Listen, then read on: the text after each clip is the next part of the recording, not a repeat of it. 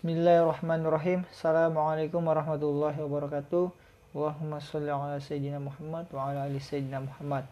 Perkenalkan nama saya Andi Muhammad Ikram. Saya salah satu mahasiswa Sekolah Tinggi Ekonomi Islam SEBI Depok. Kali ini saya akan membahas mengenai bisnis dropshipper dan reseller. Praktik lapangan produk bisnis dan transaksi. Skema transaksi sistem dropshipper bisa dicontohkan sebagai berikut. Si A adalah seorang dropshipper dia menjadi seorang dropshipper dari grosir atau supplier B. Setelah terjadi kesepakatan antara A dan B, A mulai melakukan promosi sesuai cara yang efektif menurutnya. Saat ada pemesanan dan pembelian yang diterima oleh A, A meminta konsumen untuk membayar uang dengan jumlah yang telah ditentukan, tentunya dengan menentukan margin sebagai keuntungan. Setelah pembayaran diterima, order tersebut diteruskan kepada B, kemudian mentransfer uang yang ditentukan kepada B. Setelah pembayaran diterima B, ia akan mengurus sisanya, kemudian mulai dari packing hingga pengiriman ke alamat konsumen. Parameter kesesuaian syariah. Adapun pengertian dari sistem pemasaran dropshipper secara sederhana dapat dijelaskan sebagai teknik pemasaran yang mana penjual tidak menyediakan stok persediaan barang dan bila penjual dropshipper mendapatkan order, penjual tersebut langsung meneruskan order dan detail pengiriman barangnya kepada distributor atau supplier atau produsen. Sistem pemasaran dropshipper ini mulai dikenal sejak kemunculan dunia digital internet. Gambaran jual beli dropshipper ini adalah barang yang dipasarkan lewat toko online atau hanya memasang display item atau katalog. Lalu pihak konsumen melakukan transaksi lewat toko online kepada dropshipper.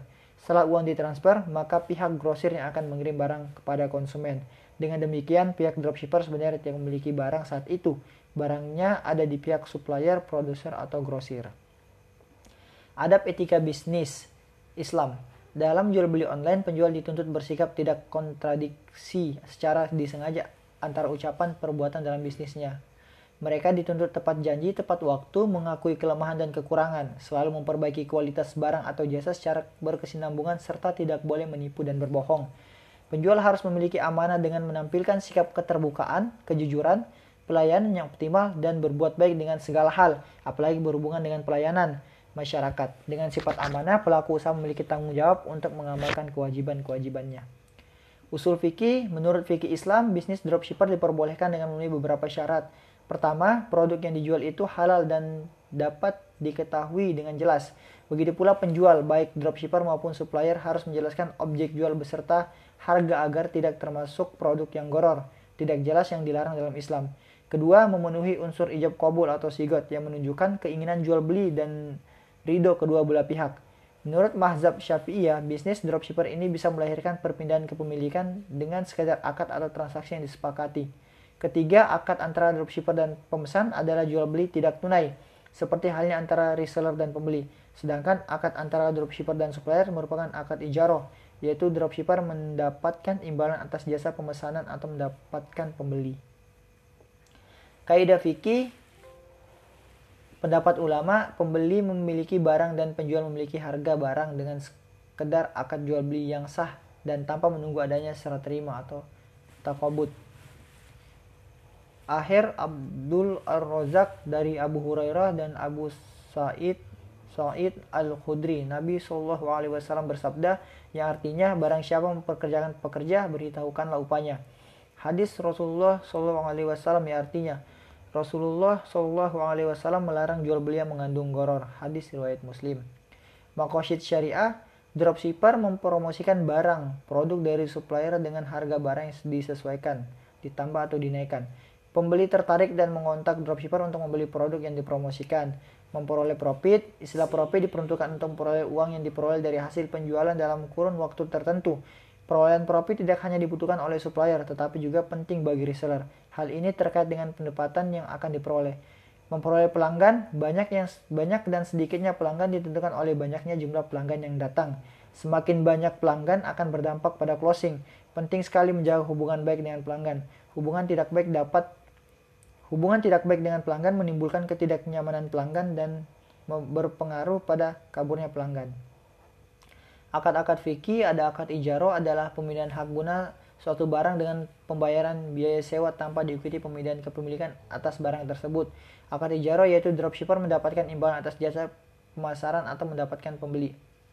Akad jual beli tunai atau cash. Dengan demikian supplier mendapat margin. Akad jual beli tidak tunai di mana harga dibayarkan tunai dan barang dikirim kemudian atau tidak tunai.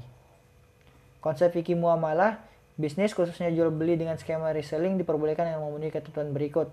Pertama, kriteria objek jual produk yang tidak tunai dan al-maushufah fi itu harus halal dan jelas kriterianya agar tidak termasuk produk goror, tidak jelas yang dilarang dalam Islam.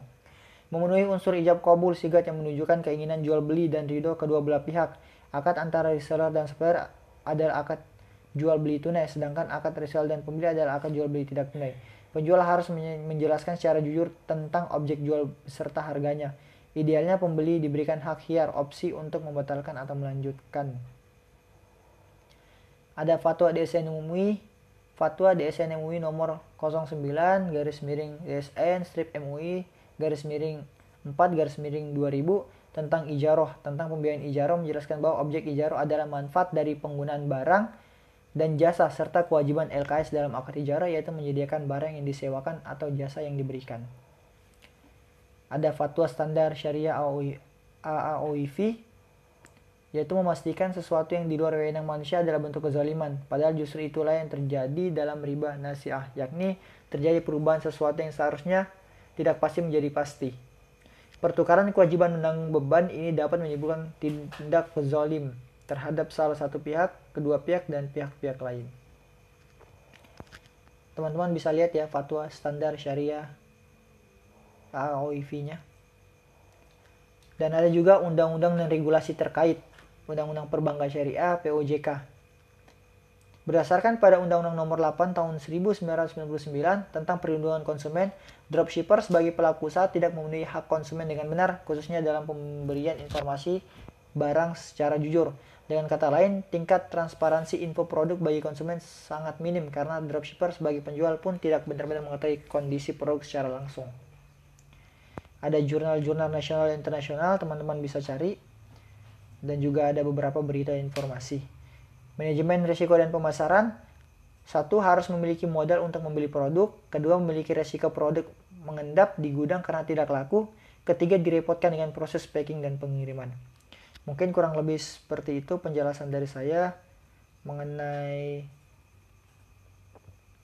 bisnis dropshipper dan reseller. Kurang lebihnya mohon dimaafkan. Assalamualaikum warahmatullahi wabarakatuh.